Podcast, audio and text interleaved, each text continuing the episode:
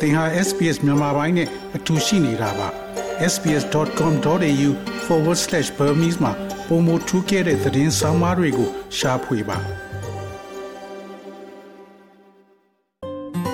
SBS မြန်မာပိုင်းကို အင်ကာနဲ့စနေနေ့ည10:00နာရီမှနားဆင်နိုင်တယ်လို့အွန်လိုင်းကနေလည်းအချိန်မီနားဆင်နိုင်ပါပြီ။ အာနာသိမ့်မိကတဲ့ကတရရိပ်တက်လာတဲ့လောင်စာစီစီဟာအခုလပိုင်းတွေမှာတော့အမြင့်ဆုံးဈေးနှုန်းကိုရောက်ရှိနေတယ်လို့ဆိုနိုင်ပါတယ်။တနစ်ခွဲကျော်ကြာတအီတက်လာရကနေပြီးခဲ့တဲ့ဂျွန်လလောက်ကစပြီးစံချိန်တင်မြင့်တက်နေတဲ့တက်စီဈေးတွေဟာ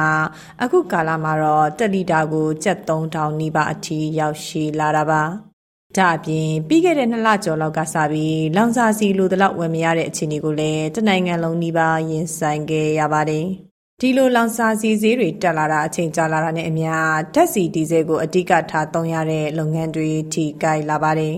။လောင်စာစီခေါ်73စီလို့ ပြောလိုက်တာနဲ့ အရင်ဆုံးမြင်ကြတာကတော့ မော်တော်ယာဉ်တွေပါ။ဒါကြောင့်ဓာတ်ရိုက်ထိခိုက်မှု ခံစားနေရတဲ့တဲမှာ တက်စီရင်မောင်းတွေလည်း ပါဝင်ပါတယ်။ ဓာတ်စီစီတက်လာတာကြောင့်စီဘိုးအရင်ကြည်အောင်အောင်ရုန်းကန်ရှာနေကြရပြီးတက္ကစီမဆွဲတော့ပဲရနာလိုက်သူတွေတောင်ရှိတယ်လို့ရန်ကုန်မြို့မှာတက္ကစီဆွဲနေတဲ့ကိုစောကပြောပါတယ်။နေကုန်စီ3000မို့လောက်ရင်းမှာကိုယ့်အတွက်ပြန်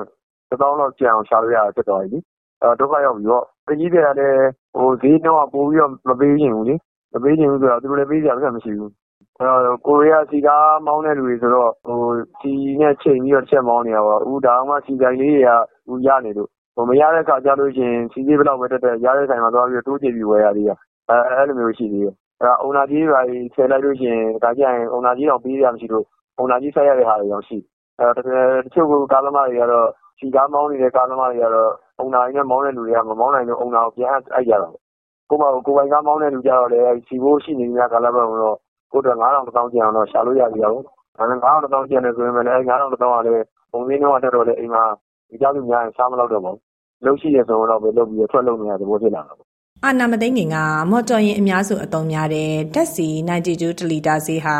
ကျပ်690ဝန်းကျင်သာရှိခဲ့ပေမဲ့လက်ရှိအချိန်မှာတော့တလီတာကိုကျပ်3000နီးပါးအထိလေးစားကျော်မြင့်တက်ခဲ့ပါတယ်။ ဒါဟာရန်ကုန်အပါဝင်မြို့ကြီးတချို့မှာစစ်ကောင်စီကသတ်မှတ်ထားတဲ့ဈေးနှုန်းသာဖြစ်ပြီးတည်ယူပို့ဆောင်မှုခက်တဲ့ဒေသတွေမှာတော့ဓာတ်ဆီတလီတာကိုကျပ်4000ကနေ8000လောက်အထိမြင့်တက်နေတာပါ။ မရှိမဖြစ်သုံးဆွဲဖို့လိုတဲ့ ကုန်ပစ္စည်းဈေးနှုန်းတွေ ကြီးမြင့်မှုကို ကမ္ဘာအစင်းရဲဆုံးနိုင်ငံတချို့မှာ Action Aid အဖွဲ့က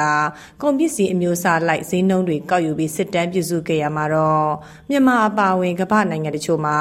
လောင်စာဆီနဲ့ ကုန်ဈေးနှုန်းတွေသုံးဆကျော် တက်သွားတယ်လို့ မေလာကထုတ်ပြန်ထားပါတယ်။ဒါပေမဲ့ အဲ့ဒီနိုင်ငံတွေထဲမှာ မြန်မာနိုင်ငံက ဓာတ်ဆီဈေးနှုန်း အများဆုံးနိုင်ငံဖြစ်တယ်လို့ ထုတ်ပြန်ချက်ထဲမှာ ဖော်ပြထားပါတယ်။ ဒီလိုဓာတ်ဆီအပါဝင်73စီဈေးတွေတက်လာတဲ့အတွက်တဏိတာစားဝင်နေရေးကစားလို့နေ့စဉ်ဘဝလဲပတ်မှုတွေအထိပါရိုက်ခတ်မှုတွေရှိလာတာပါ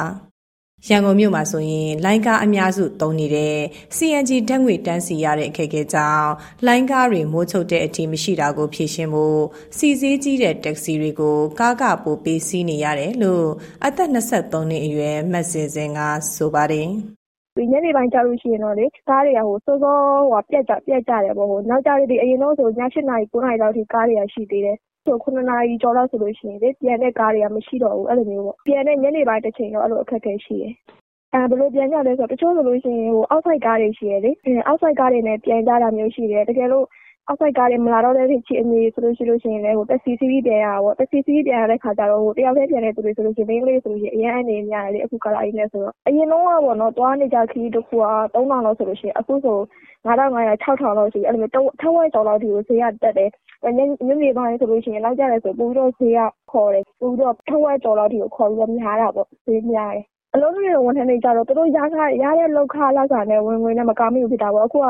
လုပ်ခလစာတနေ့ကို၅,၀၀၀ရတယ်ဆိုရင်အဲ့မှာတက္ကစီဖိုးကတနေ့စာပါသွားပြီလေ။အဲ့ကျတော့ရတဲ့ဟာနဲ့ရှာတဲ့ဟာနဲ့တနေ့ရှာတဲ့ဟာနဲ့တနေ့သုံးတဲ့ဟာနဲ့မကိုက်မိဘူးဖြစ်သွားတာပေါ့။အဲ့တော့ကိုယ်ရှာတဲ့ဟာကိုမသုံးရဘဲနဲ့တက္ကစီသမားကိုလုပ်ကျွေးသလိုဖြစ်သွားတာပေါ့။အခုလိုလောင်စာဆီဈေးတက်တာရဲ့နောက်ဆက်တွဲအကျိုးဆက်တွေထဲမှာသယ်ယူပို့ဆောင်ဈေးတွေတက်တာလည်းပါပါတယ် အရင်က ရန်ကုန်ကနေ နယ်ဝေးပို့ရင် ပစ္စည်းပို့ကစင်းတော့က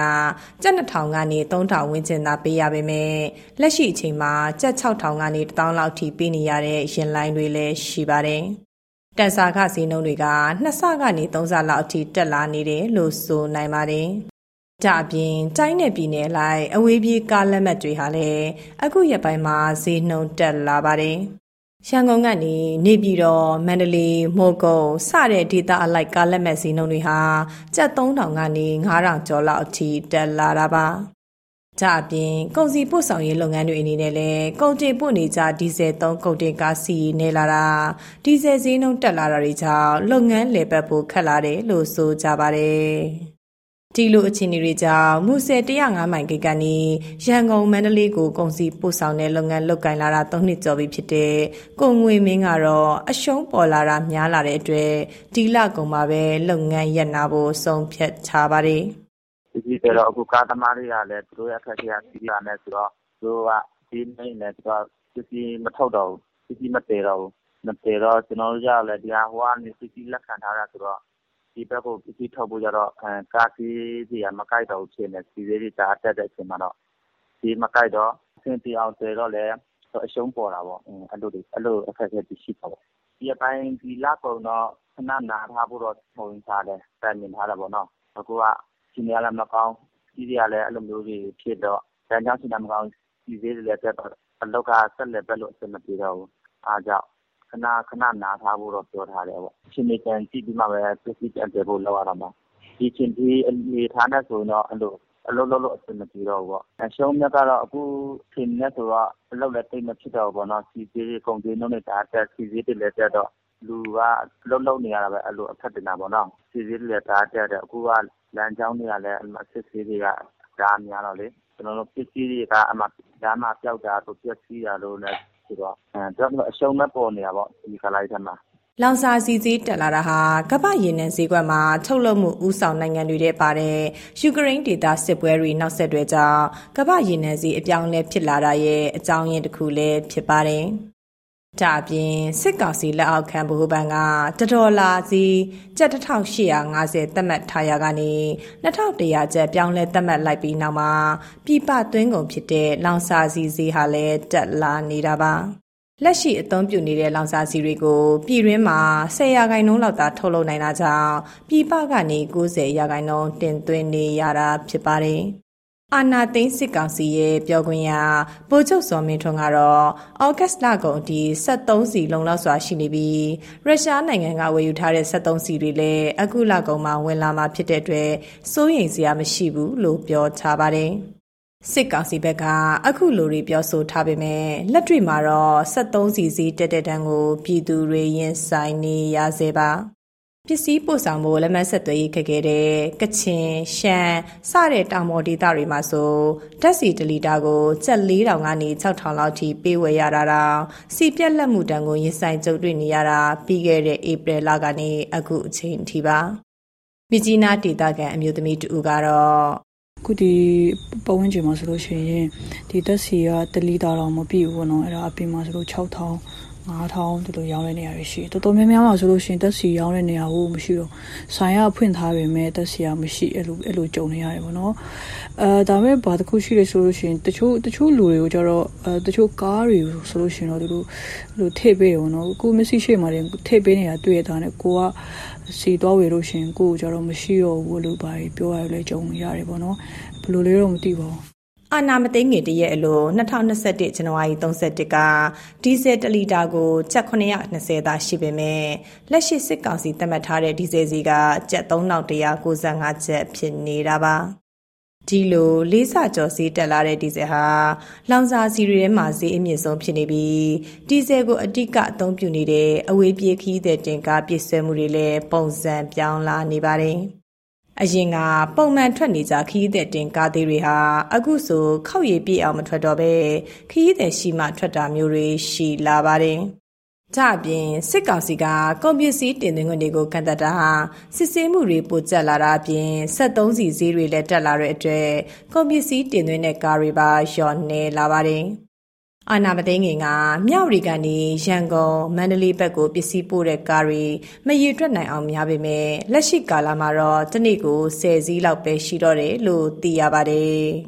2021မတိုင်ခင်ကပစ္စည်းတစ်ခေါက်ပို့ရင်စီဘိုး9000ကျပ်လောက်သာကုန်ကြပေမဲ့အခုဆိုနှစ်ဆလောက်ပို့ကုန်ကြလာတာအပြင်စစ်ကောင်စီထုတ်ပြန်ထားတဲ့အမိန့်တွေကြောင့်လမ်းမှာရက်ရှည်ကြာမြင့်တာကိုလည်းကုန်တင်ကားမောင်းသူတွေရင်ဆိုင်နေရတာပါ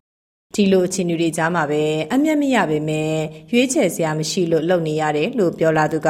ကုန်တင်ကားမောင်းနေသူ ကိုကောင်းစင်တမ်းပါဒီဈေးတက်လာတော့ ကားတွေလည်း ပုံမှန်မထွက်နိုင်တော့ဘူး အဲ့လိုမျိုးပေါ့ တချို့တော်တော်များများလည်း ရပ်သွားကြပြီကိုကားတွေကတရားရာခိုင်နှုန်းမှာ90ရာခိုင်နှုန်းကအရှုံးဘက်ပဲတွားတယ်ဗျ အချိန်ကြီးတော်တော်ဆိုးတော့ကျွန်တော်တို့ တက်တဲ့ဟာလည်း ဒါပဲရှိတော့ နည်းနည်းကြိုးစားရုံးမှန်ပေါ့ အရင်ကပစကြိုးစားရင် အခုနှစ်ဆ သုံးဆလောက်တော့ပူကြိုးစားရတာပေါ့ ဒါမထွက်လို့လည်းမရတဲ့ဟာတွေလည်းရှိတယ်လေအခုဒီလိုမျိုးခက်ခဲတယ်ဆိုလဲကိုတယောက်တည်းခက်ခဲတာမဟုတ်တဲ့ချိန်ကျတော့လောက်တာတော့အလောက်ကတော့လောက်သွားမှာပဲဒါပေမဲ့အချိန်ကပေါ့ကြည့်ပြီးသွားတာပဲပေါ့အဲ့လိုစီစိတက်တဲ့ချိန်ကျတော့နည်းနည်းတော့ကျန်နေတာပေါ့တလောက်အရင်တော့ဝင်ငွေကကားခောက်ရည်၃လေးခေါက်ရလို့ရှိရင်ဒီအခုဆိုရင်အဲနှစ်ခေါက်လောက်ပဲရတော့ပုံမှန်တစ်ခေါက်နှစ်ခေါက်အဲ့လိုမျိုးဆိုတော့ဝင်ငွေကတော့နည်းတော့တာပေါ့ဝင်ငွေကအရင်ပုံမှန်အဖြစ် အားတင်းရလို့ရှိရင်တော့အခု2သိန်းလောက်နဲ့2သိန်း3သိန်းပေါ့အဝန်းကျင်ပေါ့အဲ့လိုမျိုးဖြစ်သွားတော့လောင်စာစီဈေးနှုန်းမြင့်တက်မှုကိုတကဘာလုံးရင်ဆိုင်နေကြရပေမဲ့ငွေကြေးတန်ဖိုးကျဆင်းမှု90ရာခိုင်နှုန်းကျော်ရှိနေတဲ့မြန်မာနိုင်ငံအတွက်တော့ပုံမိုကျက်တဲလာရပါတယ်။ဒီအခြေအနေတွေကိုကြော်လွားနိုင်မယ်လို့အာနာသိန်းစစ်ကောင်စီကဘလို့ပဲအာမခံချက်တွေပေးနေပေမဲ့လက်တွေ့ခန်းစားနေရတဲ့မြန်မာပြည်သူတွေအတွက်တော့လမ်းပြောက်နေရစေပါ။ ဒီသတင်းဆောင်မကိုတန်လွင်ခက်ကပေးပို့ထားတာဖြစ်ပါတယ်။ SBS မြန်မာပိုင်းကိုနားဆင်ရတာနှစ်သက်ပါသလား Facebook မှာဆွေးနွေးမှုတွေကိုဆက်ကြရအောင်ပါ SBS မြန်မာပိုင်း Facebook ကို Like လုပ်ပြီးတော့သင်ချင်တဲ့ချက်ကိုမျှဝေနိုင်ပါတယ် SBS Bemis ကို Facebook မှာ Share ကြည့်နိုင်ပါတယ်ရှင်